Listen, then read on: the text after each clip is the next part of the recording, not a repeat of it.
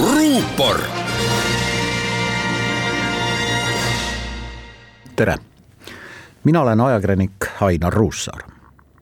Pole vist ühtegi suuremat või väiksemat liitu, kus aeg-ajalt ei tekiks erimeelsusi või naginaid. nii polnud alati üksmeelsed neli musketäri ning pinged tekkisid ka nelja tankisti ja isegi nende koera vahel oleks ilmselt naiivne arvata, et Euroopa ühiskodus käituksid kõik kakskümmend seitse ka kõige hullema kriisi ajal üksmeelselt ja sõbralikult. seda enam, et praegune täiesti jaburalt erakordne olukord on kõigist eelmistest liiga erinev ja seadnud piirangud Euroopa Liidu neljale põhivabadusele.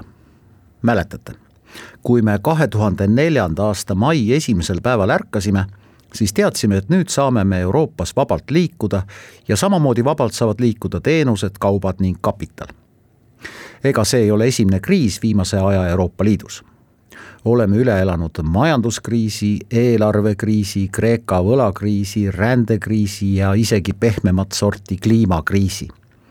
Ühendkuningriigi lahkumine oli ka kergekujuline šokk erinevalt praeguse tervise ja ilmselt ka mingil hetkel meid uuesti tabavast majanduskriisist ei tulnud aga nende eelnevate probleemsete perioodide ajal põhivabadusi piirata. nüüd kisub asi juba emotsionaalselt viltu. mõned vaatavad Brüsseli suunas ja ootavad kiireid ja tarku otsuseid. nii nagu väga paljud vaatavad siin Toompea suunas ja ootavad sedasama mõned liikmed teatavad Brüsselile, et ärge segage, me teame ja teeme ise mõned liikmed soovivad tipptasemel arutada kahtlustusi, justkui oleks Euroopa Liidus vaktsiinide jaotamisel ellu viidud ebavõrdset poliitikat. Ungari on juba tellinud viiruse vastu võitlemiseks vaktsiini Venemaalt ja Hiinast. pulbitsevate tunnete ja suure poliitika taha kiigates näeme, et kõik taandub kahele lihtsale, aga samas ka ülimalt keerulisele asjale, rahale ning hirmudele kahe Euroopa Liidus levinuma vaktsiini AstraZeneca ja Pfizeri ühe doosi hinnavahe on kõrgete euroametnike väitel seitsmekordne.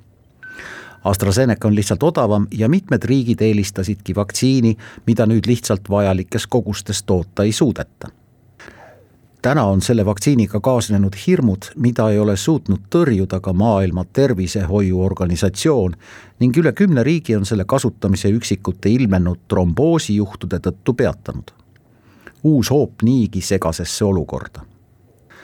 AstraZenecaga vaktsineerimises kõhklejate või kahtlejate abistamiseks võiks ju nüüd välja nõuda teistsuguse tervisestatistika. uurida, kui palju on esinenud tromboosijuhtumeid enne vaktsineerimist. Neid enne ja pärast arve siis võrrelda. kas siis kriisis on kõik ühe, üks kõigi või igaüks enda eest?